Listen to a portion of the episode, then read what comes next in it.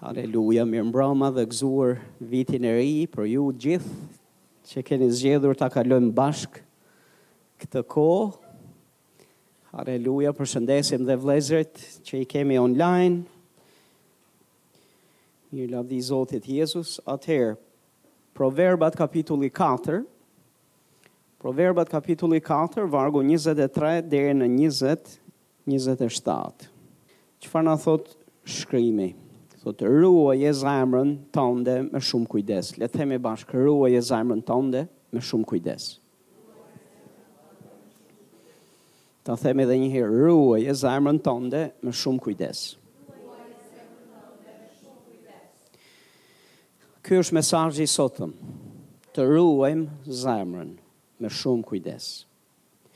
Thotë sepse nga ajo dalin burimet e jetës. Na e tregon arsyen pse duhet ruajtur zemra jonë. Sepse prej saj, thotë, dilkan burimet e jetës. Me thënë, zemra jonë qenka me shumë peshë, qenka shumë e rëndësishme. Dhe ne duhet ta ruajmë ta ruajmë zemrën tonë me shumë kujdes. Dhe që të ruash zemrën tënde me shumë kujdes, shkrimi na tregon edhe se si ta ruash zemrën. Po pikë së pari njëherë e kujt është përgjegjësia për ta rujt zemrën? Është përgjegjësi e Perëndisë. Është përgjegjësia e tjerëve, a është përgjegjësia jote? Domethënë është përgjegjësia jote. Perëndia ka dëshirë që të ta mbrojë zemrën, të ta bekojë zemrën, të ta shërojë zemrën, të sigurohet që zemra jote është e ruajtur dhe e mbrojtur, por Perëndia nuk bën asgjë pa lejen tënde. Perëndia përdor njerëz për të shëruar, bekuar, për të ta për t'u kujdesur që zemra jote të jetë e sigurt dhe e mbrojtur.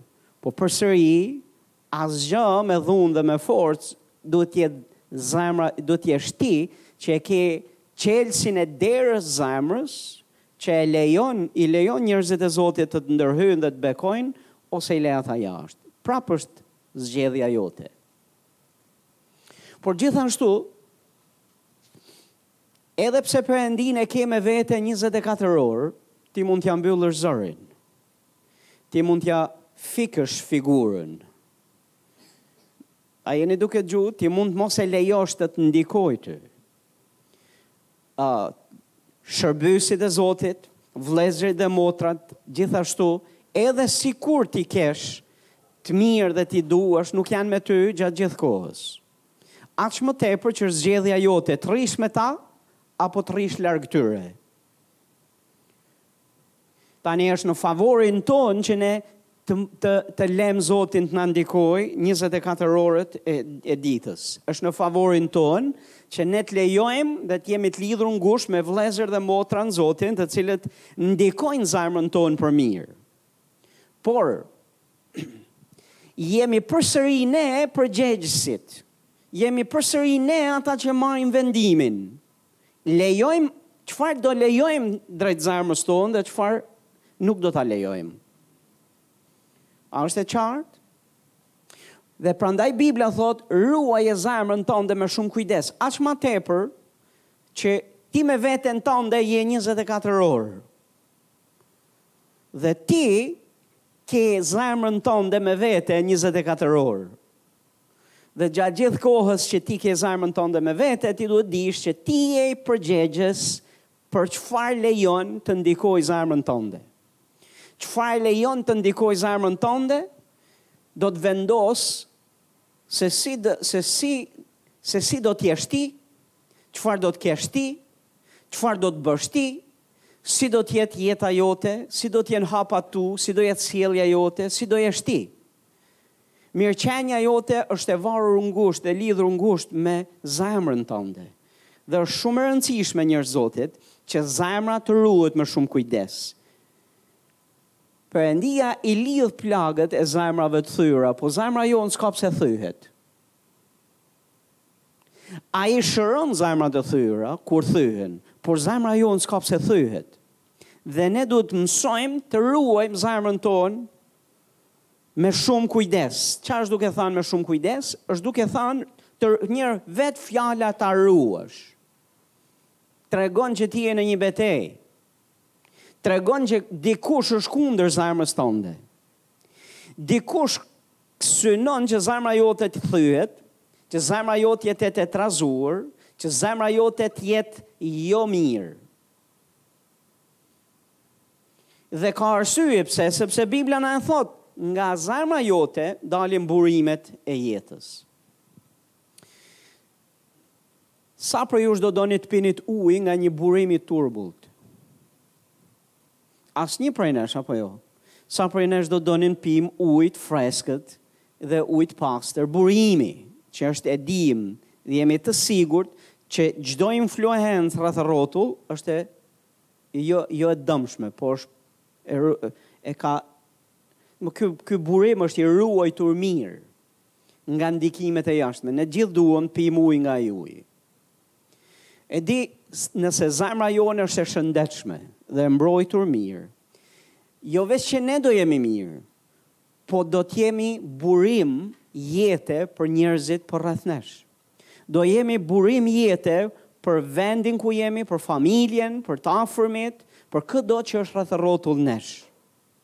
Dhe njerëzit tjerë do të pijnë nga uji që ne do të nxjerrim nga nga burimi ynë. Do të pijnë nga uji që del nga zemra jonë. Kjo botë është po thahet nga dita në ditë për një gotë ujë nga qielli, për një gotë ujë të pastër, për një gotë ujë që sjell që jep jetë, për një gotë ujë të gjallë që shuan etjen. E mbani mend çfarë i tha Jezusi gruas samaritane? Kush pi nga ky ujë, nuk do të ketë kurrë më etje. Dhe ai i referohet fr ujit frymës shenjtë, ujit gjallë të frymës Zotit. Dhe ky ujë i gjallë i frymës Zotit është në besimtarët, është në zemrat tona. Është një me frymën tonë. Dhe njerëzit kanë nevojë për atë ujë të gjallë. Bibla na quan pemë gjithashtu, që japim fruta, e dini këtë? Dhe Bibla flet gjithashtu te Galatasit 5, na flitet për nëndë frutat e frymës. Dhe të nëndë frutat e frymës, a e di që s'janë për ty? Ti je pema dhe nuk kam pa pemë që ha frutat e veta. Pema jep fruta për tjerët. Dhe ne gëzohemi që kemi pemë të mbjellë nëpër kopshtet tona apo tjerët mbjellin pemë frutore sepse kemi mundësi t'i shijojmë ne. Ne jemi pemët e Zotit për të dhënë dhe jemi jemi ata që duhet t'japim frutat e frymës. Fryma e Zotit është një me frymën tonë dhe i prodhon këto fruta. Dhe këto fruta janë të mira për njerëzit. Një prej këtyre frutave është durimi. E di çfarë do të thotë durim? Do të thotë që tjerët do të bëjnë padrejtësi ty dhe ti do të do ti do kontrollosh veten, ti do të durosh për hir të Zotit, për hir të Perëndisë, për hir të fjalës Zotit. Do jesh do tregohesh i durueshëm. Dhe kjo lloj kjo, kjo lloj sakrifice të cilën ti jep i bën mirë të tjerëve. Sepse ka nuk nuk është nuk është frut fryme që ti të zemërohesh.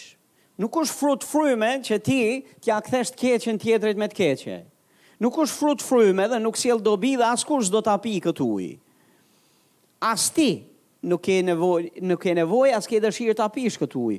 Po një ujë që sjell dashuri, e sjell durim dhe sakrifikon për të mirën tënde, edhe pse në kurrizin tënd, ky është uji që të gjithë kanë qejf ta pinë. Gjithë kemi qejf ta pimë këtë lloj uji. Gjithë kemi dëshirë që të pimë ujin e dashurisë së Zotit. Atë lloj dashurisë që Bibla flet te Korintasit. Ëh, që nuk kërkon t'sajat, që i beson të gjitha, që nuk dyshon për keq. Që nuk krekoset. Ëh, që duron. Gjithë kemi dëshirë të pim nga ai ujë, nga uji i dashurisë së Perëndisë. T'ham nga ky frut. Dhe ky është frut i frymës shenjt që është në fry që e ka mbjell në frymën tonë dhe që do ta prodhoj përmes nesh në mënyrë që tjerët të hanë nga ky frut.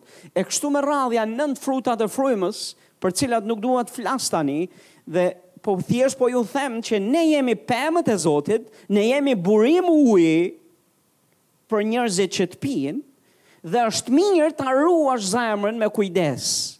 Për këtë arsye, sepse prej saj dalin burimet e jetës. Prej saj prodhohen frutat. Ruaje zemrën tënde me shumë kujdes. Shifni se çfarë thotë Jezusi, një gjë shumë me rëndësi dhe do kthehemi përsëri te këto vargje dhe ju lutem përpiquni të më ndiqni me shumë kujdes.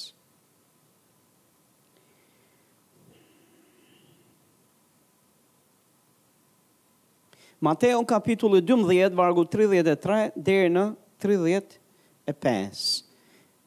Jezusi është duke ju folur, është duke ju folur farisenjve dhe saducenjve këtu. Dhe është shumë e rëndësishme që sa herë që lexoni shkrimet, ju të bëni një pyetje, kujt po i drejtohet ai shkrim, kujt po i drejtohet ajo fjalë. Sepse po nuk e di se kujt i drejtohet ajo fjalë, mund ta marrësh te vetja jote dhe ka ca vargje që s'të drejtohen ty dhe për shkak se janë të ashpra dhe ka një gjuhë të folur të fortë, Ty mund të të dhembë, sepse e merr personale.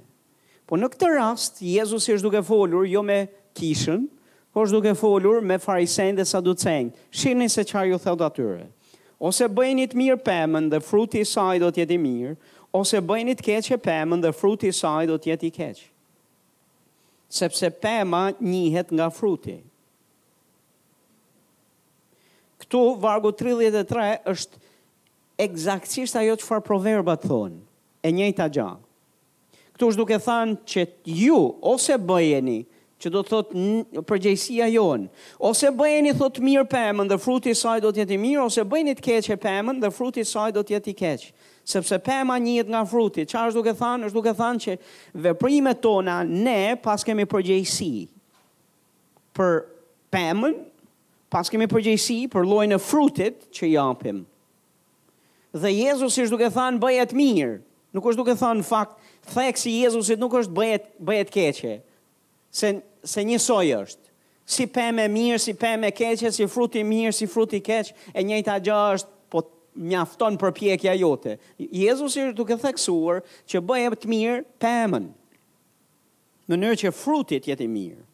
Po vargu tridhjetë e katër është direkt i drejtuar ndaj farisenjve dhe saducenjve, thotë o pjellë nepërkash. Këtu është duke folur për natyrën e tyre. Dhe është duke u thanë o pjellë nepërkash. Si mund të flisni mirë, thotë, kur jeni të këqij? Thotë sepse çfarë ka zemra nxjerr goja.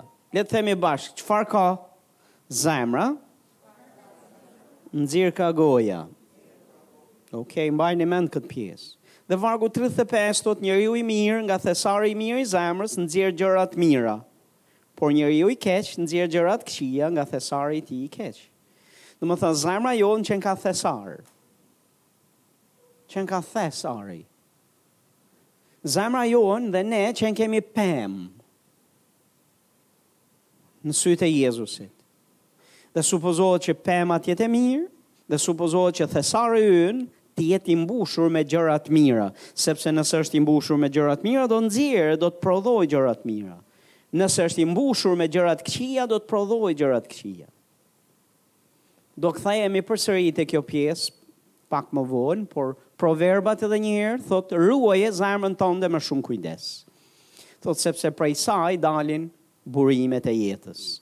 Tani, kjo është një thirrje dhe kjo është një varg bible që i shkon për shtat një besimtari të rilindur. Kjo nuk është një një një varg bible që mund ta marrë çdokush dhe ta aplikojë në jetën e vet, sepse ka sepse është e pamundur. Këtu thot ruaje zemrën tënde me shumë kujdes. Pse e thot këtë gjë? Sepse prej saj dilkan kush? Burimet e jetës. Tashti më dëgjoni pak me vëmendje. Bibla na thotë që ne gjithë kemi qenë në mëkat. Të gjithë ishim të humbur, të gjithë ishim në mëkat dhe zemra jonë ishte zemër e, e, e ngurt, një zemër e ndotur, jo një zemër e pastër. Dhe një zemër të papastër s'ke ça t'i rush, ajo do pastru. Ai ne duke gju, ajo s'ka nevojë për pas, ajo s'ka nevojë për rujtje. Ajo ka nevojë për mu pastru, që pastaj të kesh ça t'ruash. Ezekieli kapitulli 11 vargu 19 thotë dhe unë do t'ju jap atyre një zemër tjetër, do t'ju shtije përbrenda një frymë të re, do të heq nga mishi i tyre thotë zemrën prej guri dhe do t'ju jap një zemër prej mishi.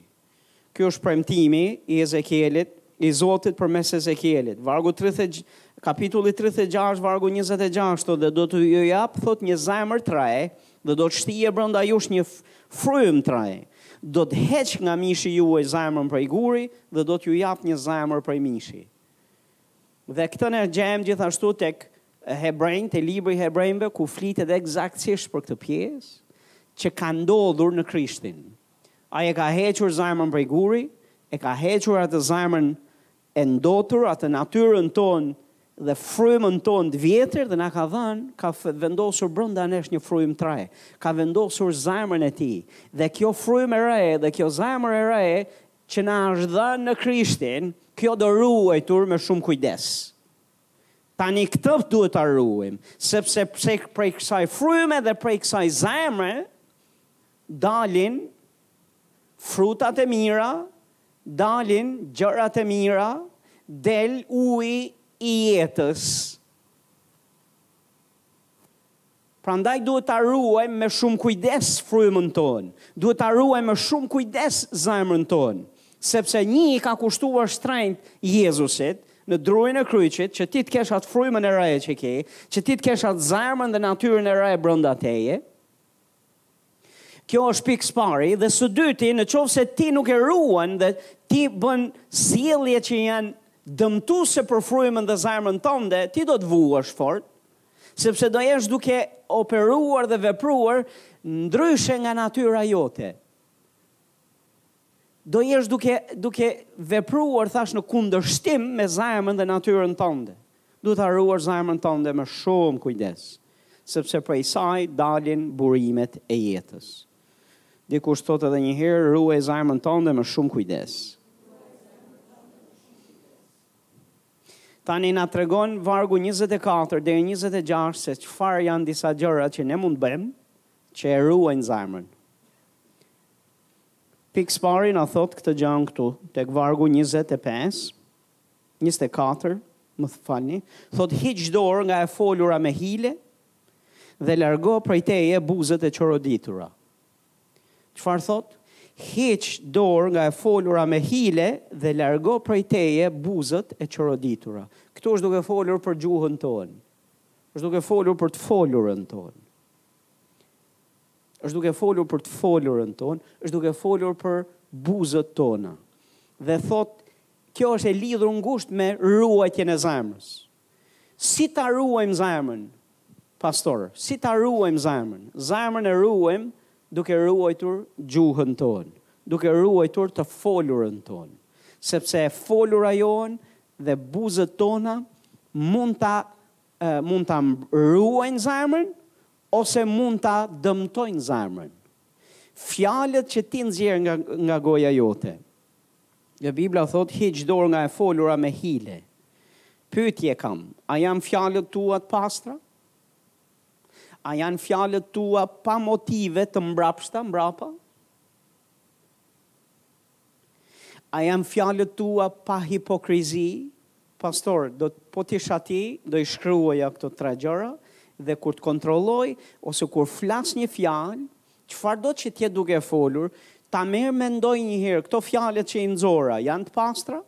A i kanë motivet, a janë me motive të pastra? Edhe a ka hipokrizi në ato fjalë? Sepse duhet të jenë jo e folur me hile. Jo e folur me hile. Hilet zakonisht nuk shihen. Kur dikush flet me hile, zakonisht nuk e nuk më nuk duket, nuk dallohet hilja, ndryshe s'quhet hile. Po është një përpjekje duke folur duke folur fjalë të cilat në dukje janë të vërteta, po që ka në mbrapa skenë ka tjerë tjetër skenë, tjetër motiv, tjetër qëllim. Dhe fjala thot që e folura jonë duhet të jetë pa hile, Sepse e folura me hile, me motive të papastra, me hipokrizi, dhe e folura në këtë lloj forme me motive të mbrapshta dhe me qëllime të mbrapshta, sado në dukje të jetë e drejtë, e pastër, në qoftë se është me këtë background të papastër mbrapa, quhet e folur me hile dhe çfarë do të kush do dëmtohet, pastor? Nga kjo e folur do dëmtohet zemra jote. Çfarë fitoj unë pastor nëse flas në këtë formë? Fiton një zemër të ndotur pastor. Një zemër të tur që janë turbulluar ujërat. Një zemër që nuk është nuk është e mirë, është duke vujt. E di sa sa njerëz kanë, sa njerëz ka, të cilët zgjedhin për të fituar diçka të momentit. Një përfitim. Zgjedhin këtë të folurën me hile. E zgjedhin këtë të folurën me hile në martesë. E zgjedhin në marrëdhënie me njerëzit. E zgjedhin në marrëdhënie me me Zotin dhe njerëzit e Zotit kur vijnë në kishë. Nuk janë të vërtetë. Po lavdrojnë e këndojnë, po thonë si je ku je, po ulen dhe flasin, por motivet nuk janë të pastra dhe çfarë bëjnë? Vuajnë, pastor, vuan martesa, vu kudo ku hyn hilja, kudo ku hyn mashtrimi, gënjeshtra, Është e destinuar që të dëmtohet sepse është është e mbrapa saj është ati i gënjeshtrës, mbrapa hileve dhe gënjeshtrave është i ligu vetë dhe është background errësire. Dhe zemra e një besimtari nuk ka lidhje me këtë të folur. Zemra e besimtarit nuk ka lidhje me këtë lloj të folure. E folura jonë duhet të jetë e vërtetë.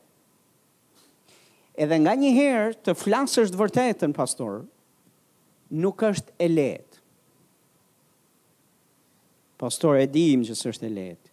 Nganjëherë të flasësh të vërtetën do të thotë që ti të ekspozosh veten tënde nganjëherë në sytë e dikujt të ekspozosh dobësi, të ekspozosh gjëra të cilat janë të zorshme, gjëra të cilat ti nuk ke dëshirë që t'i shohë dhe t'i dëgjojë dikush, prandaj herë mas here njerëzit edhe flasin me hile, flasin krejt ndryshe nga ç'janë në vërtetë. Dhe këta janë mësuar për vetëmbrojtje, e kanë pas një, kur kanë qenë jo në besim, e kanë marrë me vete dhe tani e kanë peshqesh e çojnë në martesë, E çojnë në kishë, e çojnë gjithandej në jetë. Dhe pastaj thonë, o pastor, nuk e di pse nuk jam, pse ndihem kështu si ndihem. Pse nuk kam atë gëzimin siç e kam pas? Pse nuk janë gjërat, pse s'po më ecin gjërat ashtu siç duhet? Pastor, duhet të shqyrtosh pak këtë anë këtu. Sepse je duke ndot zemrën të cilën Zoti ta ka dhënë ty. Je duke turbullu ujërat dhe je duke u tregu i pakujdesshëm me zemrën me zemrën zemrën tënde, nuk po e ruan me kujdes dhe i ke hap dyert errësirës dhe të ligut që të ta nxijë atë zemër. Që ta turbullojë atë zemër, që të të vrasë ato gjëra, jetën që është brënda zemrës tënde. E ça duhet të bëj, pastor? Buzët, e folura, e folura jonë duhet të jetë e pastër, e folura jonë duhet të flasë të vërtetën, nuk duhet të ketë kurrë uh, prapaskena dhe motive të mbrapshta, dhe nuk duhet të ketë hipokrizi, nuk duhet të ketë aktrim, Ndryshe flasim po ndryshe në fakt mendojmë. E folura jonë duhet të jetë në përputhje me Fjalën e Zotit. Si tha Jezusi, bëjeni pemën e mirë dhe frutat do të jenë të mira. Dhe tha, çfarë ka zemra, nxjerr kush? Nga mbushullia e zemrës, goja flet, me çfarë e mbush zemrën tënde, goja jote do të flasë. Dhe është shumë e rëndësishme që goja jonë të flasë atë që është në fjalën e Zotit. Prandaj duhet ta mbushësh zemrën plot me fjalën e Zotit, në mënyrë që goja jote ta flasë atë fjalë. Zemra jonë duhet të jetë plot me të vërtetën, në mënyrë që buzët tona të flasin të vërtetën. Sepse nga mbushullia e zemrës, goja ka për të folur. Dhe kur flet goja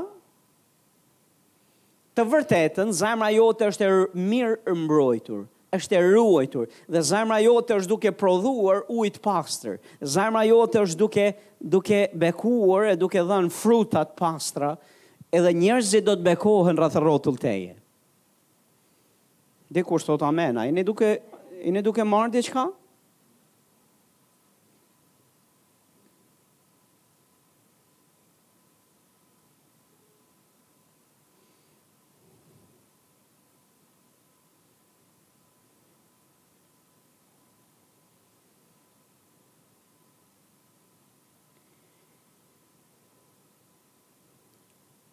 Psalmisti thot tek Psalmin 141 vargu 3, thot o Zot, vër një roje para gojës time.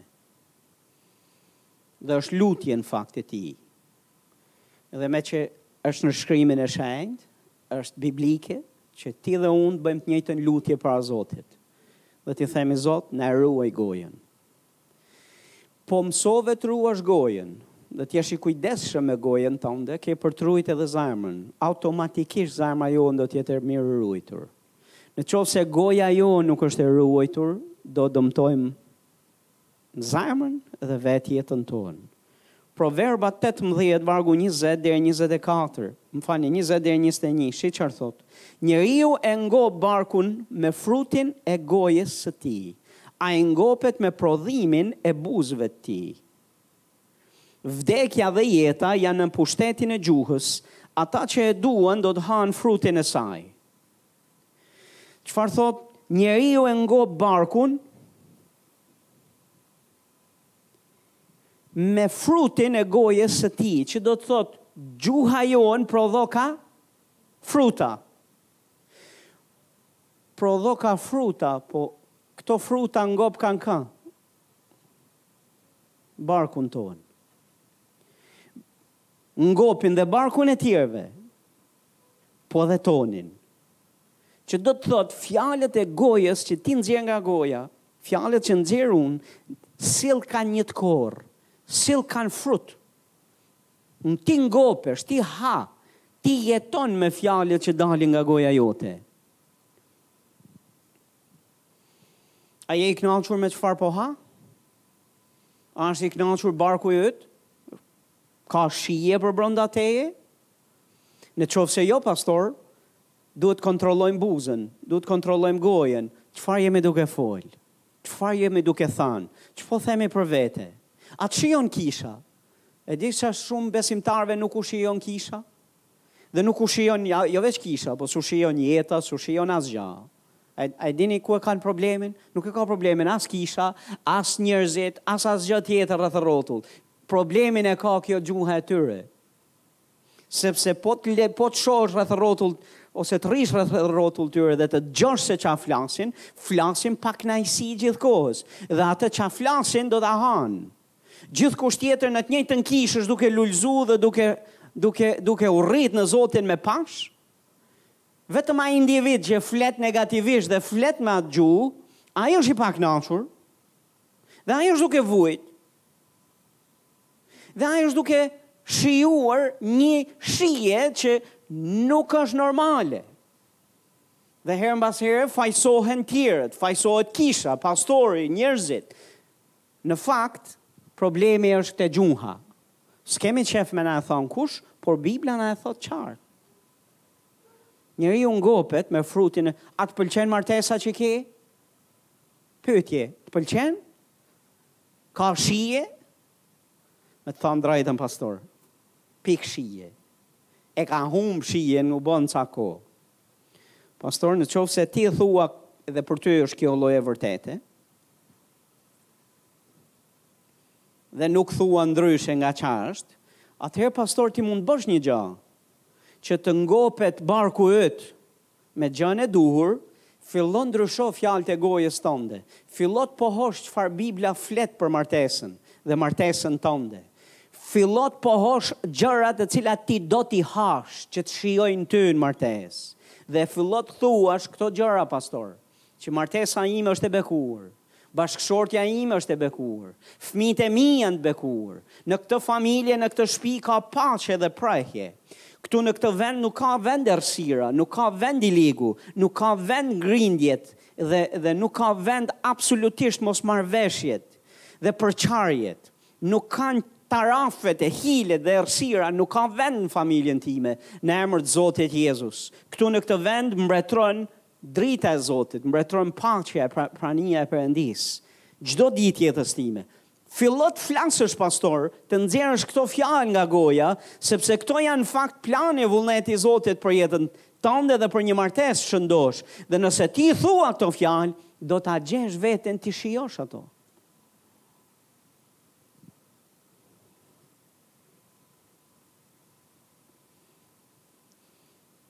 Njeriu e ngop barkun me frutin e gojës së tij, ai ngopet thotë me prodhimin e buzëve. Buzët prodhokan. Prodhokan. Por pastor, në qoftë se ti e ruan edhe do të ruash zemrën tënde me kujdes, mëso të ruash gjuhën, mëso të ruash gojën. Sepse duke rujt gjuhën dhe duke rujt gojën, ti je duke rujt vetë jetën tënde. Dhe ti edhe të tjerët do të jenë të ruajtur dhe të bekuar që ti ruan veten. Amen. Edhe të tjerët përreth do gëzohen e bekohen që ti ruan veten dhe ke rujt zemrën, sepse kur të jenë rreth rrotull teje, do të pijnë ujë të gjallë, do të hanë fruta të frymës dhe do të shijojnë qiellin që është në jetën tënde. Duhet të ruhesh, ta ruash zemrën tënde me kujdes. E si e ruan? Duke ruajt gojën. Sepse goja ka pushtet të madh. Edhe Bibla na e thotë, vdekja dhe jeta janë në pushtetin e gjuhës. Le të themi bashkë, vdekja dhe jeta janë në pushtetin e. Ta themi bashkë, vdekja dhe jeta janë nën pushtetin e gjuhës. Ata që e duan, do të hanë frutet e saj. Domethënë, gjuhën tonë duhet ta duam, sepse prej saj hamë frutat. Ça flet gjuha jonë, ça flet goja jonë, prodhohet. Dhe Bibla thotë, pushteti i jetës dhe vdekjes është në Në ku? Ku e lexuam? Ku është në pushtetin e kujt? Pastor, po unë mendova se është në pushtet se e ka Perëndia në dorë. Pastor, po unë mendova se djalli ka pushtetin e vdekjes. Perëndia ka pushtetin e jetës. Është e vërtetë, Perëndia ka pushtetin e jetës. Është e vërtetë, djalli ka pushtet për të sjellë vdekje, është autori i vdekjes dhe i errësirës. Po kush ia jep të drejtën njërit apo tjetrit, është gjuha jote. Është gjuha ime. Dhe momentin që gjuha jonë flet atë që shkrimi thotë, flet atë që fjala e Zotit thotë, flet të vërtetën pastor, atëherë pastor Perëndia do të hyjë në skenë. dhe do të sjellë jetë dhe jetë me bollëk.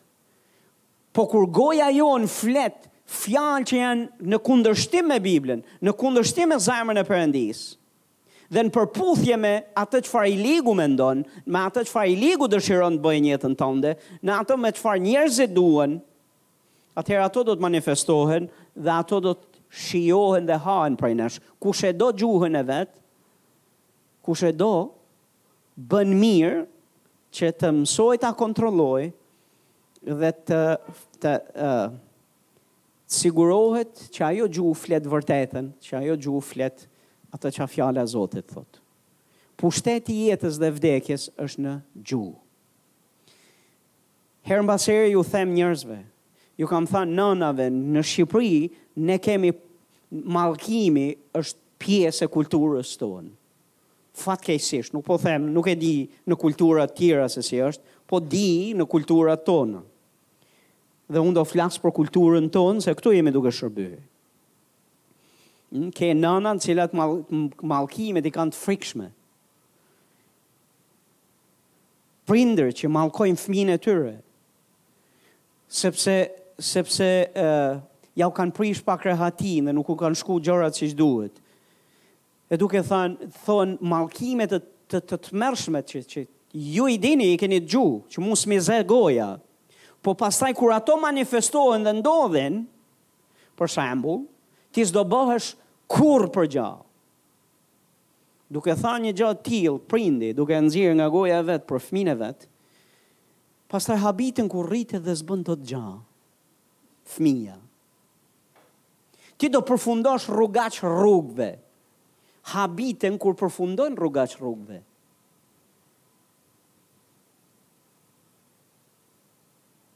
Ose fjalë që të tmerrshme që si vdeksha, gjëra të kësaj natyre, që ju thashë, më, s'më dalin mua nga goja, sepse s'më dalin, nuk i, Po më duhet t'i nxjerr pak nga goja thjesht për t'ju për të tërheq vëmendjen se habiten pastaj kur njerëzit vdesin e kanë pësojnë aksidente tri e me radhë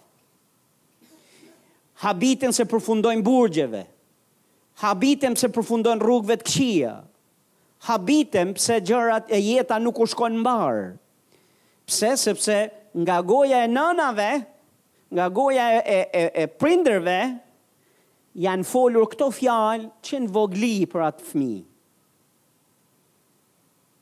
E duke menduar se ha, se është një ndërsh, është një formë ndërshkimi, është një formë disiplinimi. Kjo nuk është formë disiplinimi. Kjo është formë mallkimi, ka pushtet, ka fuqi dhe do të jap efektet e veta. Ti mund të mallkosh veten tënde edhe tani ku je. Ëh? Duke folur fjalë negative për veten tënde, fjalë që janë ndryshe nga Bibla, ndryshe nga fjala e Zotit, për veten tënde. Dhe e disa besimtarë rri rreth rrotull tyre dhe shoh që gjuha ka nevojë për shpengim dhe pastrim, për ca ka nevojë për shkurtim. Sepse dëmtojnë veten e vet dhe nuk e kuptojnë që dëmtojnë veten e vet. Nuk e kuptojnë që ka pushtet te gjuha. Nuk e kuptojnë që jeta dhe vdekja janë në pushtetin e gjuhës. Dhe i japin gjuhës pa pa pikë kontrolli. Pa pikë kujdesi, pa doganë. Duke menduar hë mo se janë fjalë. Janë fjalë por Jezusi tha do japim llogari dhe do gjykohemi në bazë të çdo fjale që del nga goja jonë.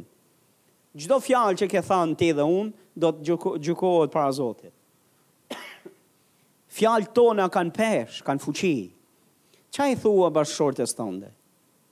Hm? Ç'a i thua bashkëshortit tënd?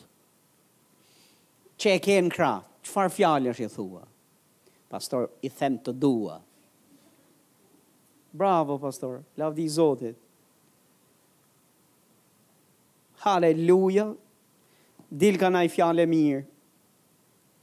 Sa herë kur, kur është hera e fundit meqë ra fjala? Që e ke thanë këtë? U, i ka ca vite.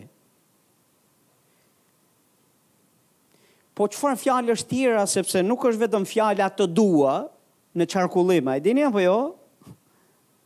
Dhe nuk rrimë vetëm duke thënë të dua. Kur duam të hamë bukë, nuk themi të dua. Edhe me njëherë bashkëshortja e di që ti du të hash bukë. Kur ti ke naj nevojë tjetër, ti thua të dua dhe automatikisht ajo e interpreton në, domethënë, në, me, me, e interpreton dhe e kupton se ç'a je duke thënë. Jo, se ne flasim dhe e folura jonë nuk është vetëm kjo fjalë. Nëse është vetëm kjo fjalë pastor paske nevojë për ndihmë. Nëse s'e ke këtë fjalë në fjalor dhe nuk është fjala kryesore e jotja, prap paske nevojë për ndihmë. Po fjalët që burojnë edhe dalin nga zemra dhe dalin nga goja jote, mund të ndryshojnë atmosferën e shtëpisë, atmosferën e martesës, marrëdhëniet, mund të ndryshojnë jetën tënde për mirë ose për keq. zgjidhi me shumë kujdes fjalët që flet. Pra, prandaj psalmisti lutet dhe thotë vër një roje në gojën time. Kur ke gojën tënde nën kontroll, pastaj, zemra jote do të jetë e ruajtur mirë.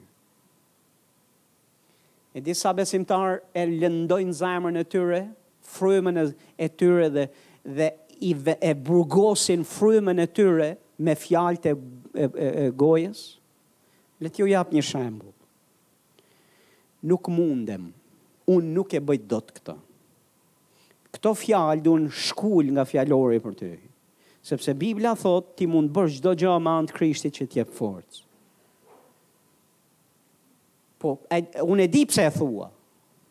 Sepse e thua, sepse mendon se forcat tua nuk janë aty. E di se mund të ketë dështime në të kaluarën në një në ato fusha që të kanë bërë ty të mendosh që shiko ti nuk ja del dot. E kuptoj që logjikisht ti je duke menduar kur shikon burimet njerëzore, shikon kë ke mike, kë ke shoke, kë ke sa sa mundësi e burime ke të thonë që ti nuk mundesh. Por Bibla thotë që ti mundesh me anë të Krishtit që të jep forcë. Ai është forca jote, ai është burimi yt, ai ka të gjitha gjërat që duhen ty dhe kur ai të thotë bësh diçka, ti mund ta bësh. Dhe është burgosje e frymës tënde, është burgosje e zemrës tënde, është dëmtim i frymës tënde, Që është një me frymën e Zotit, kur ti thua nuk mundem, kur ti thua nuk mundem, je në një farë mënyre duke vendosur një pengesë të hekurt asaj që fryma jote mund ta bëjë, asaj që ti mund t'i bësh. Ti mund të bësh çdo gjë me anë të Krishtit që të jep forcë. Dhe nëse thotë Krishti të bësh diçka, forca e tij është aty që ti t'ia dalësh dhe ti ta bësh.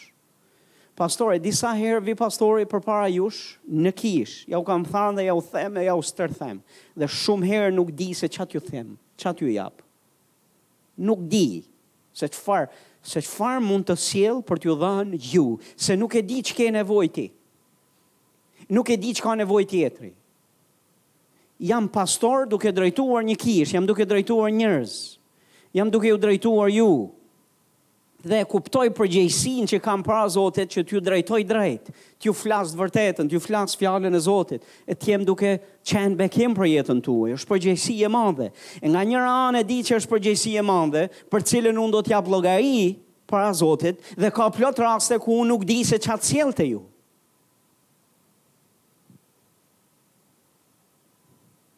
Dhe herë mbas here gjendem dhe them o Zot, po po këto e kam thënë, këto e kam thënë, këtë tjetrën po e, këtë këtu, këto e kam stërthënë, se kam 14 vjet që jam duke u shërbyer këtyre njerëzve.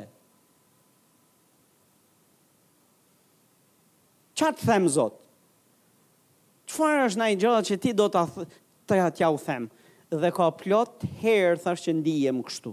Po e di çfarë m'jep zemër mua dhe a e di çfarë m'bën që t'vi këtu. Edhe mos heq dorë dhe sa herë që vi e shoh hirin e Zotit të jetë mbi mua që habiteni edhe shumë prej jush po habitem edhe vetë. A e dini pse? Mirë, hiri i Zotit. Është kjo fuqia e Zotit. Dhe nuk them kurrë që unë nuk di, që unë nuk mundem, që nuk ia dal dot. Sepse e di që do t'ia dal, se e di që do të kem gjithçka që më duhet, sepse Perëndia më ka thirrur dhe jam duke bërë atë që më ka thirrë Ai të bëj. Dhe për shkak të kësaj, Vajosja e hiri i Zotit funksionon dhe vepron. Ka pas naj rast ku i kam dhënë gjuhës gabim dhe kam qenë i kam qenë unë duke folur dhe ka qenë sikur kisha zhavor n'gojë. E di të flasësh me mbush gojën me një lugë zhavor edhe fol. Bibla thotë që një, me fjalët e buzëve tona ne mund ta lidhim veten. Prandaj duhet të jemi shumë të kujdesshëm. Shumë kujdes pastor me gjuhën.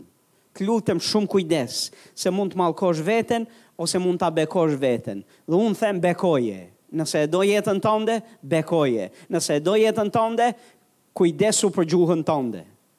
Jakobi flet gjatë dhe flet shumë për gjuhën, e krahason me timonin e një anije, e krahason me një zjarr që djeg një pyll të madh. Është i vogël, po ka fuqi të madhe. Goja jote mund të ndezë një zjarr të madh për mirë dhe për keq. Është mirë të jetë zjarri i Frymës Shenjtë. Është mirë të jetë zjarri i Zotit dhe të ndizet në flakë njerëzit me zjarrin e Zotit. Është gabim të ndizen me flakët e ferrit dhe të vdekjes. A jeni duke dëgju? Dhe ajo çfarë ti flet, ka peshë, ka fuqi, dhe është e lidhur direkt me zemrën tënde, se çka zemra jote, nxjerr goja jote. dhe ç'nxjerr goja jote direkt do të ndikojë zemrën tënde. Direkt do ta ndikojë. Është e lidhur bashkë. Bëjeni të mirë zemrën tuaj dhe fruti do të jetë i mirë. Pastor, si ta bëj zemrën e mirë? Zemrën e ke të mirë një herë se ta ka bërë Zoti Jezus, si ju thashë, shkuli tënden që ishte e keqe, që ishte e e e pisët, E shkuli prej teje atë natyrë, të ka dhënë frymë të re, të ka dhënë zemrën e vet. Tani ruaje dhe ushqeje me fjalët e jetës, ushqeje me të vërtetën, sepse kur të mbushet plot me ta, do të flasë dhe goja jote do të prodhojë këto. Dikush thotë amen. Dikush thotë, Zot, vër një roje para gojës time.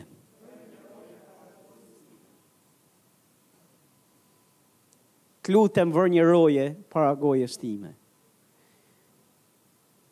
Nuk, domethanë, e shof që kam gjëra tjera për të thanë, po e shof që duhet të qarkulloj pak te kjo akoma. Sepse një pjesë e juve jeni t'pavetëdijshëm sa shumë jeni duke dëmtu veten. Disa prej jush i keni dhanë autoritet njerëzve, autoritet që veç Zoti duhet ta ketë, Më dëgjo me vëmendje, Zoti është autori i martesës, burri është kreu i familjes, por kreu i familjes nuk është Zoti. Ti ke pas marrëdhënie me njerëz, të cilët t'kanë zhgënjyer, ke pas përplasje, Të kanë dëmtuar? Në rregull, të kanë zhgënjyer, ta kanë thyr zemrën. Po për një pjesë tuajën kanë mbet në rolin e Zotit. Dhe atë rol s'duhet ta ketë askush në jetën tënde. Askush për jetën tënde, askush tash për jetën tënde. Akoma i keni dhënë pushtet njeriut dhe po jepni pushtet njeriut që s'duhet ta ketë në jetën tuaj. Dhe këtë jam duke ju fol, jam duke a thënë dikujt. Dhe shumë herë ja jep me gojën tënde, me fjalët e buzëve. Me fjalët që nxjerr nga goja. Duke thënë që këtë që ka bërë ky, këtë që më ka bërë kjo, këto që më ka bërë ky, s'ma ka bërë kush. dhe unë nuk ja fal kurrë. Kujtohesh pastaj, ups, po unë duhet fal, që të më që të m'i fal Ati mëkatet mua. Dhe pastaj thua, po veç për Zotin e fal. Po në fakt, edhe pse e thua këtë, kjo është një klishe për ty, tamam tamam është ajo që e the pak përpara. Ca the tamam Ca është e jotja është kjo Kjo është një kujtesë e vakët rrugës Për rolin e Perëndisë në zemrën e në jetën tënde Po në fakt pastaj duhet të jetë Zoti i pari dhe nuk duhet të ketë pushtet askush mbi jetën e zemrën tënde Nuk duhet t'ia di kush të ka lëndu Nuk duhet t'ia di kush ka folur Nuk duhet t'ia di kush është sjellë keq me ty Çfarë kanë bërë njerëzit me ty Ti duhet t'i lesh të shkojnë Dhe gjuha jote pastaj ose mund t'i sjellë prap në në pozitë autoriteti, ndikimi të jetës tënde ose mund t'i largojë një herë e mirë. Përdore gjuhën të largohen një herë e mirë e në atë fron të zemrës e të jetës tënde të ulet Zoti Jezus. Askush tjetër. Po të shkosh nganjëherë para pasqyrës dhe të thuash, jo, ky individ nuk ka pushtet mbi jetën time. Pikë. Jezus Krishti është Zot i, është Zoti i jetës time, ky individ ka bërë gjëra të hidhura ndaj meje, po unë zgjedh ta fal, zgjedh ta lej në duart e Zotit, edhe zgjedh që të mos merrem me këtë situatë më, e të vazhdoj rrugën. Çliroje me gojën tënde, çliroje me fjalët e tua. Çliroje edhe ata njerëz, çliro edhe veten tënde. Po duke mos e bërë pastaj, aq ma tepër duke bërë e duke thënë fjalët e gabuara, pastaj, jo veç që nuk çlirohesh, nuk çliron tjerët as veten jo.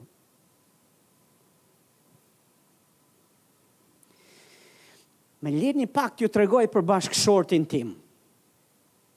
Edhe kur të nisi me folë për bashkëshortin, karakteristikat është djalli këtu, Pak afër tij, jo shumë larg, janë dhe karakteristikat e bashkëshortit. Të thëna dhe të folura nga një bashkëshorte në Zotin. Është e tmerrshme ta dëgjosh këtë gjë. Edhe anasjelltas, nga krahu tjetër, bashkëshorti duke folur për bashkëshorten. Po pastor, po, a nuk duhet të flasim ne për dobësi Edhe gjërat të cilat Po pastor, po e folura jonë duhet të jetë shumë e kujdesshme, me shumë hir. Dhe Bibla thotë fjalët tona duhet të jenë duhet të jenë të kujdesshme, t'ju japin hir dëgjuesve, atyre që e dëgjojnë, t'ju japin hir. Dhe fjalët që nxjerrim nga goja duhet të jenë realisht fjalë jete. Bekoje mor vlla bashkëshorten tënde, bashkëshorten tënde, bekoje, bekoje. Fol fjalë jete. Haleluja. A është Zoti i mirë? Le të kalojmë te pika tjetër sepse do rrim këtu gjithë natën pastaj. Ruaje zemrën tënde me shumë kujdes. Ruaje zemrën tënde me shumë kujdes se prej saj dalin burimet e jetës. Tani do t'ju flas për pjesën e dytë, që ka shumë rëndësi. Ë te Proverbët, vargu 25, kapitulli 4, vargu 25 thotë sytë e tu le të shohin drejt dhe qepallat e tua të synojnë drejt para teje. Le të themi bashkë sytë e tu. E dini atë këngën, sytë e tu, sytë e tu, me gjithë dritat, sytë tanë kanë shumë rëndësi. Kam shkruar diçka të cilën do ta shpjegoj se sa peshë ka. Çfarë shikon do të vendosë kush do të jesh? Do të vendosë çfarë do të kesh, do të vendosë ku do të arrish dhe çfarë do të bësh në jetë. Çfarë shikon ti? Ka shumë rëndësi të ndikon ty dhe ndikon dhe zemrën tënde. Ajo ça sheh ti Në fakt është dritare e zemrës. Çfarë sheh ti ka peshë për zemrën tënde dhe do ta ndikojë zemrën tënde. Mos më thuaj se shiko, ti mund të shohësh, po ti je i fortë. Ajo ça ti sheh, edhe pse është në kundërshtim me Biblën, kundërshtim me Fjalën e Zotit, ty nuk të ndikon, ty nuk të jep frut, Ty nuk të shtyn të bësh të keqen, vetëm ty, jo pastor, çfarë shikon ka me të ndiku për mirë apo për keq. Dhe nëse shikon gjëra të cilat janë dëmtuese, janë të papastra për zemrën tënde, zemra jote do të rëndohet, zemra jote do të vuajë, zemra jote do të lëndohet nga ajo çfarë sheh ti. Po zemra jote gjithashtu mund të bekohet mund bekohet, mund shërohet nga pamja e duhur që ke para syve tu, nga ajo që shikon ti. Efesianët 1, vargu 18 deri në 22, Biblia na flet se si apostulli Pal lutet për kishën, Dhe lutet i frymëzuar nga fryma e shenjtë dhe thotë nuk pushoj së falenderuari për ju vargu gjashtëmbëdhjetë duke ju kujtuar në lutjet e mia thotë që Perëndia e Zotit tonë Jezus Krisht Ati i lavdisë t'ju japë ju frymën e diturisë dhe të zbulesës në njohurinë e tij domethënë po lutet që Ati t'na japë frymën e shenjtë me pak fjalë të na japë Frymën e Shenjtë, që Fryma e Shenjtë t'bëjë diçka për ne. Dhe çfarë do të bëjë Fryma e Zotit për ne? Thotë t'ju ndriçojë sytë e mendjes tuaj. Ta themi bashkë, t'ju ndriçojë sytë e mendjes. Domethënë, e ka fjalën jo veç për këto sytë këtu, po edhe sytë e mendjes. Na i ndriçojë, thotë, sytë. Fryma e Zotit na i ndriçojë sytë, t'japë zbulesë me pak fjalë. Dhe t'japë zbulesë për çfarë? T'na i hapë sytë për çfarë? Që sytë tanë ça të shohin? Dhe na i tregon se çfarë? Thotë të dimë cila është shpresa e thirrjes së tij, cilat janë pasuritë e lavdisë së trashëgimisë së tij në shenjtorët, cila është madhështia e jashtëzakonshme e fuqisë së frymës Zotit që është vënë veprim ndaj nesh. Të dimë se kjo u vu në veprim në Krishtin duke ngjallë prej së vdekurish duke vënë t'ulet në djathtën e Atit përmbi çdo principatë, pushtet, fuqi, zotërim, emër që përmendet në këtë epokë dhe në atë që vjen, dhe e vuri thotë çdo gjë nën këmbët e Tij dhe ia dha për krye përmbi çdo gjë Kishës, e cila është trupi i Tij, plotësia e Atij që mbush çdo gjë në të gjithë. Kjo lutje është e pasur, është e mbushur plot. Po më lini t'ju shpjegoj pak Çfarë thotë Pali? Pali thotë lutem që Ati t'ju japë frymën e shenjtë që t'jua hapë sytë e mendjes. Sepse kur t'ju hapen sytë e mendjes, nga fryma e shenjtë, ju do dini, le të themi bashkë, ne do dimë. Domethënë, ne nuk do dimë në qoftë se fryma e shenjtë nuk na i hap. Dhe që fryma e shenjtë t'na bëjë të dimë çfarë bën? I hapka sytë e mendjes. Shkoka menjëherë tek sytë. I hapka sytë, që të dimë. Dhe çfarë të dish? Të dish trashëgiminë që t'është dhënë në Krishtin, bashkë me shenjtorët. A e di se ke trashëgimi? A e di se ka gjëra të cil, për cilat Jezusi ka paguar që janë tuat? I trashëg, je ti trashëgimtari. Ta ka dhënë ty uh, testamentin. Është plot me premtime, është plot me bekime, është plot me gjëra të mira të cilat të takojnë ty. Aty je i shëruar nga plagët e Jezusit. Aty ti je i bekuar me çdo bekim frymor në vendet qiellore. Aty thuhet që ti je i pasur. Aty ka plot premtime, të cilat janë po dhe amen në Krishtin. Janë dhënë, por që ti t'i dish Se pa i ditur s'mund t'i kesh, t'u hapkan sytë një herë. Prandaj them që kur t'hapen sytë, ti do të kesh atë që të shohin sytë. Dhe këtu nuk jam duke folë veç për këto sytë këtu. Jam duke folë për sytë që i prek Fryma e Shenjtë dhe t'i ndriçon dhe bën që të shohësh. Pamja që sheh ka rëndësi, sepse kështu ti di.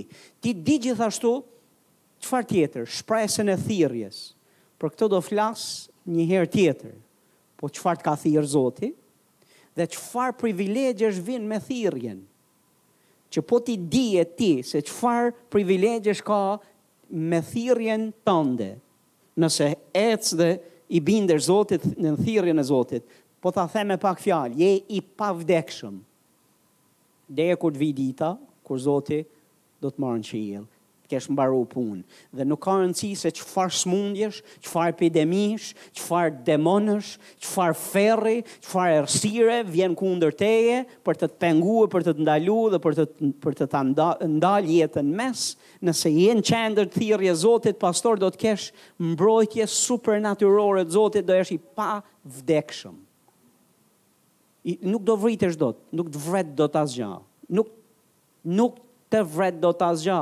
Mbani mend apostullin Pal, a e lanë për të vdekur? Të paktën tre herë Bibla na flet për këtë gjë, për këtë gjë. E vranë me gurë, iu mbyt anija, e me radhë edhe ai u ringjall prapë prej vdekjes. Dhe është ai apostull që ju thotë unë kam qejf me shku te Zoti.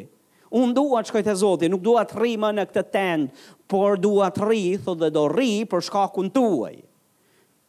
Po unë mendova se Zoti e ka në dorë. Mënyra se si flet Pali duket se nuk e nuk e ka vetë Zoti në dorë, duket se e ka edhe ai në dorë. Sepse ai thot është jam mes kësaj lloj beteje. Të shkoj te Zoti a të rri, por po rri për shkakun tuaj.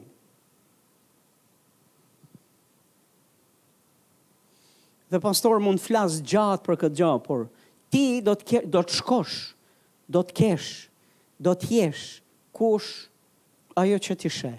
A e di që Bibla flet për një, një varg Bible thotë ashtu si njëri, njeriu mendon në zemrën e vet, ashtu është?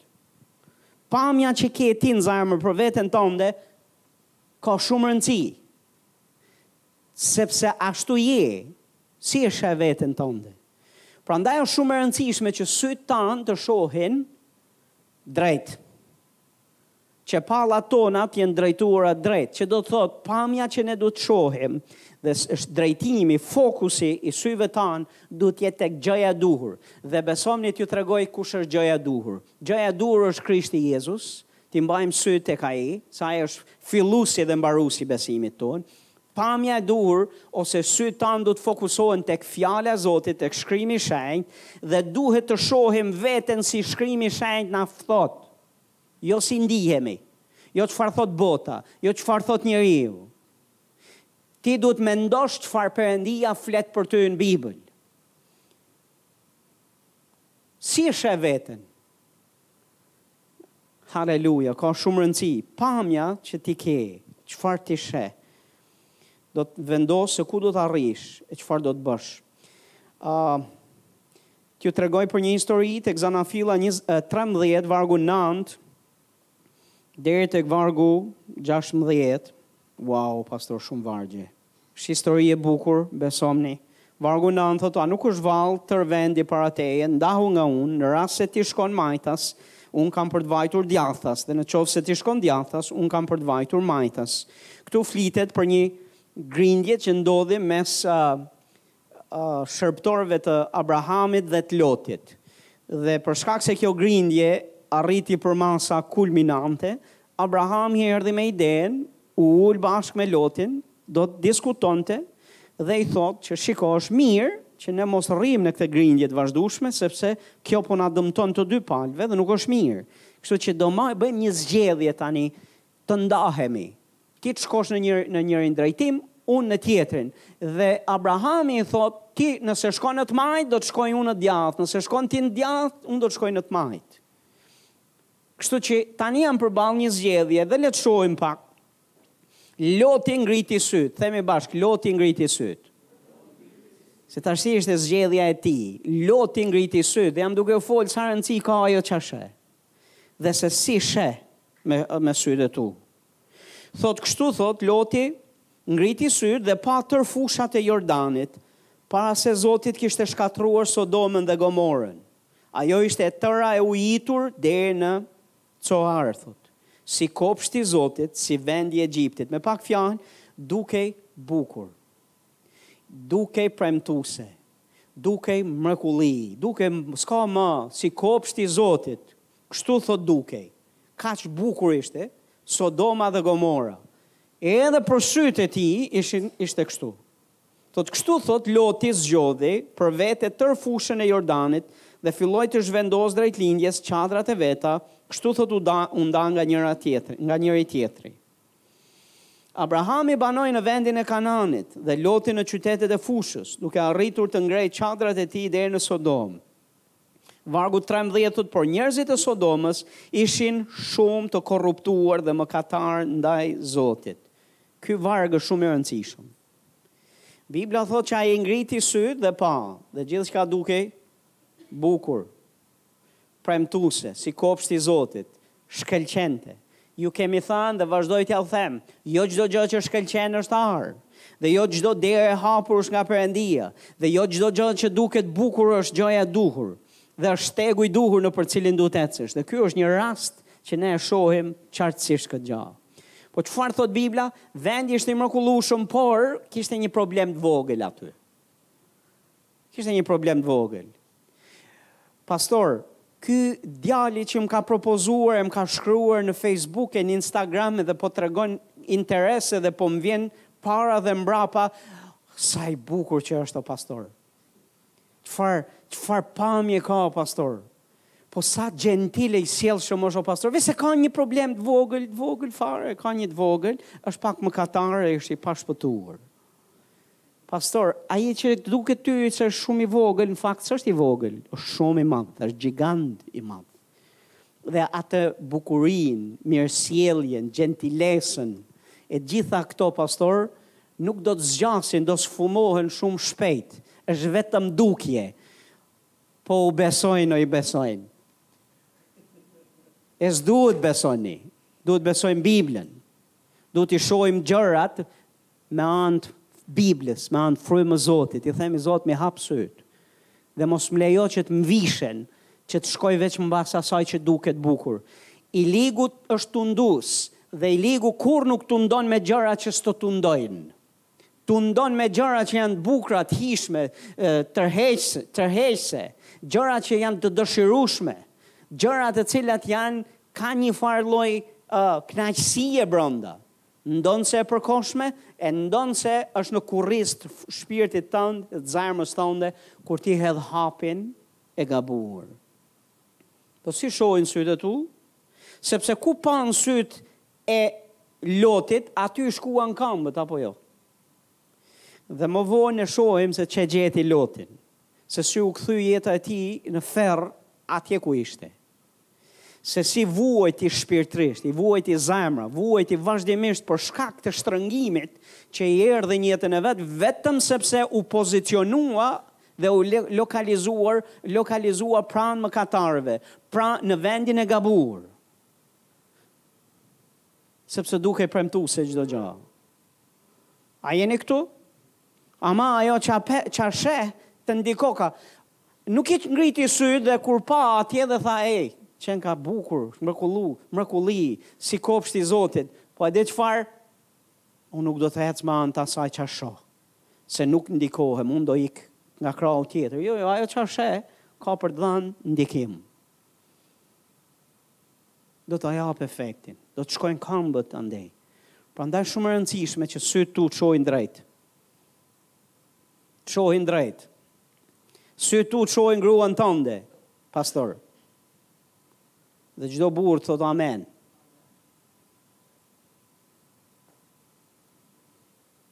Haleluja, Zoti i mirë. Po shifni çfarë thot vargu 14 dhe Zoti i tha Abrahamit, mbas ndarjes me Lotin, thot i tha çoj sytë tu, edhe atij i tha çoj sytë tu.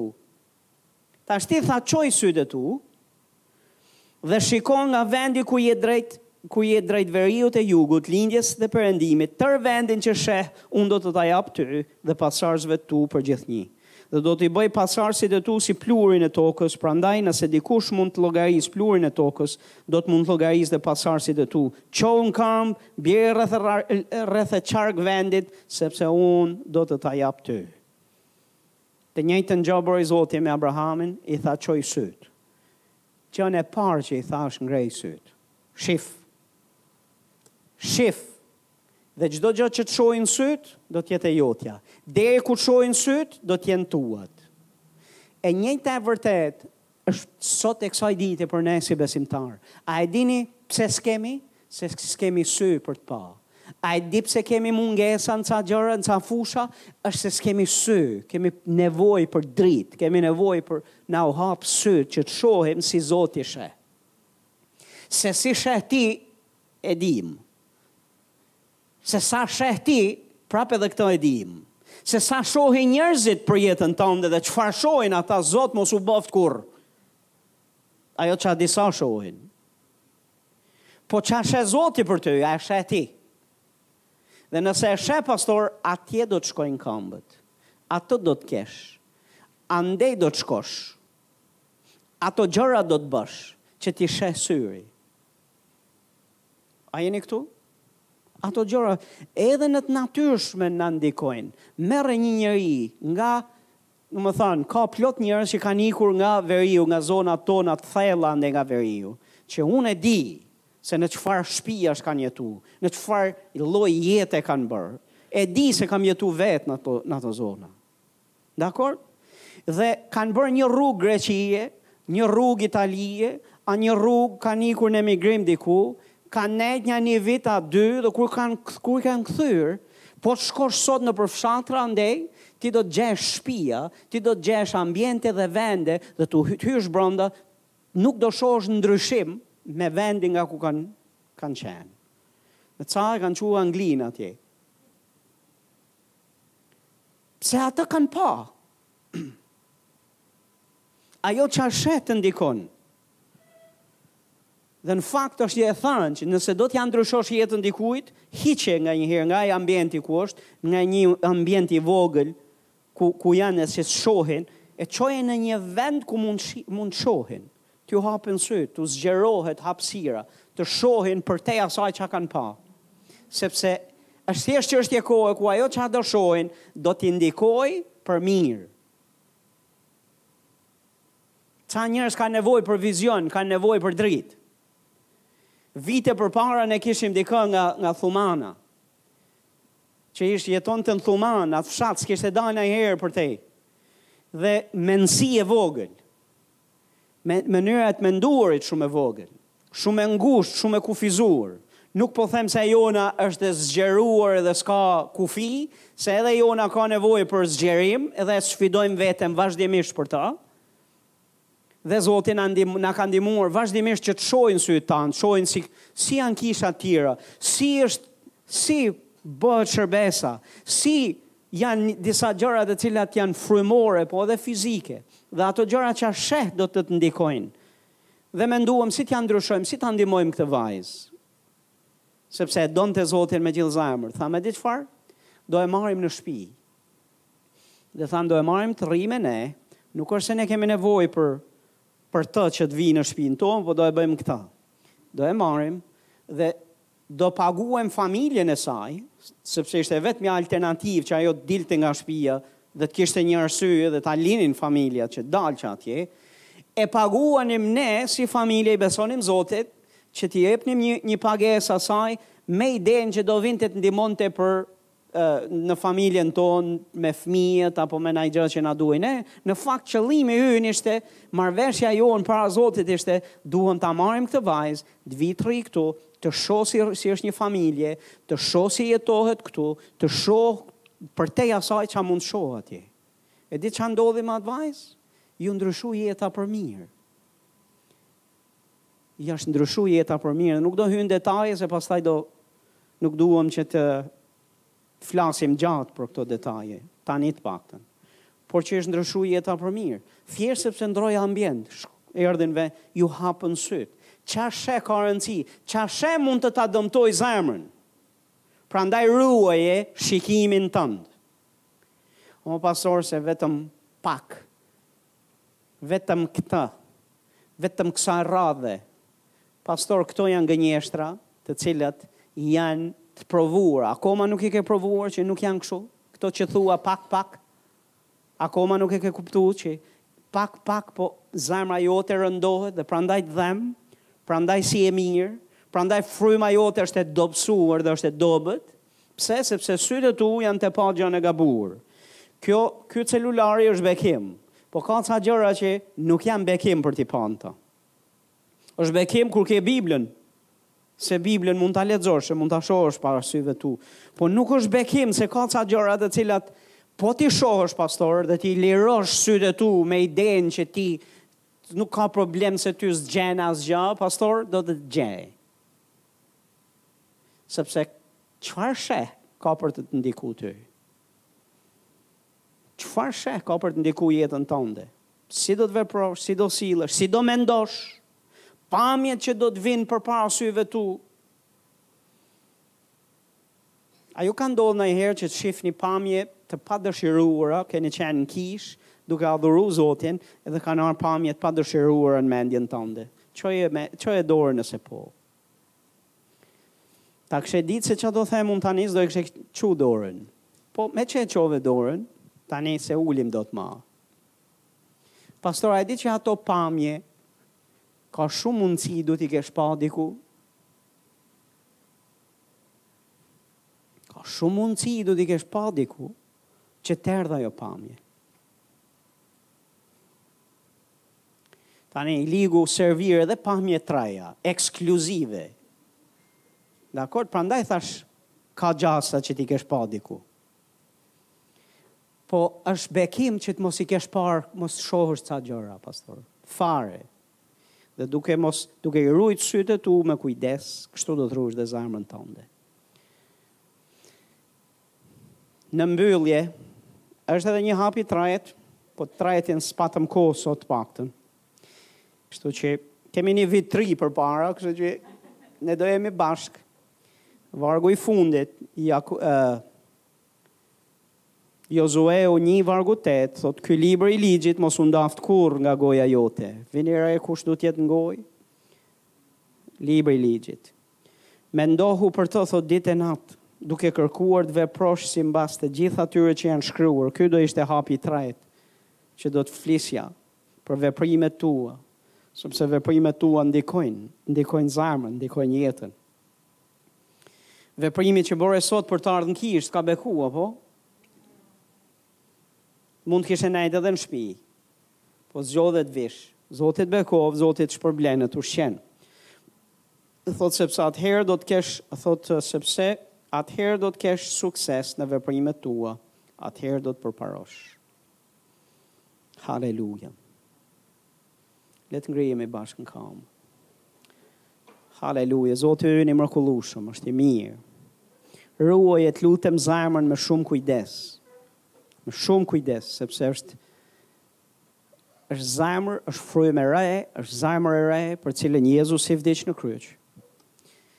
Haleluja ka paguar çmim të lartë që zemra jote të jetë e pastruar, që zemra jote të ndihet mirë, që zemra jote mos të të dënojë, që zemra jote të jetë e pastër. Ka paguar shtrenjt në drurin e kryqit. Dhe është dhuratë, na është dhënë ne tani ta ruajmë. Të lutem ruaje, ruaje me shumë kujdes. Mos u trego i shkujdesur, sepse shkujdesja ndaj zemrës tënde do të të rëndojë ty në fund. Ruaje me shumë kujdes, pastor, duke u kujdesur për gjuhën, për të folurën tënde, duke u kujdesur për pamjen tënde, duke u kujdesur për veprimet që bën, zgjedhjet që merr në jetë. Lutem ji i kujdesshëm, sepse ti thua se nuk të nuk të ndikojnë dhe nuk kanë naj efekt, po në fakt do të kenë efekt pastor. Pati efekt veprimi i Lotit. Loti shkoi në vendin e gabuar dhe vuajti gjithë jetës. Abrahami ishte në qendër të vullnetit të Zotit dhe po bekohet gjithë jetës. Zgjedhjet tona kanë peshë, kanë rëndësi. Ajo ça sheh ka rëndësi. Ajo ça ti flet me gojën tënde do të sjellë rezultat, do të sjellë frut. Zemra jote tashmë është bërë e mirë, sepse e ka bërë të mirë Jezus Krishti. Është frymë e re, është e rilindur, është e pastër, është një me frymën e Zotit. Në të janë frutat e frymës, në të është janë burimet e ujit të gjallë, për të cilat Bibla flet. Bashkë me frymën tënde, me zemrën tënde, është fryma e shenjtë brenda. Po mos e trishto frymën tënde, mos e trishto frymën e Zotit, ruaje me shumë kujdes. Si ta ruaj, pastor? Ruaj sytë, ruaje gojën. Dhe zgjedhjet që merr në jetë, të lutem, të jenë zgjedhje që janë në përputhje me vullnetin e Zotit, në përputhje me fjalën e Tij. Amen. Haleluja. Ruaje pastor se prej saj dalin burimet e jetës.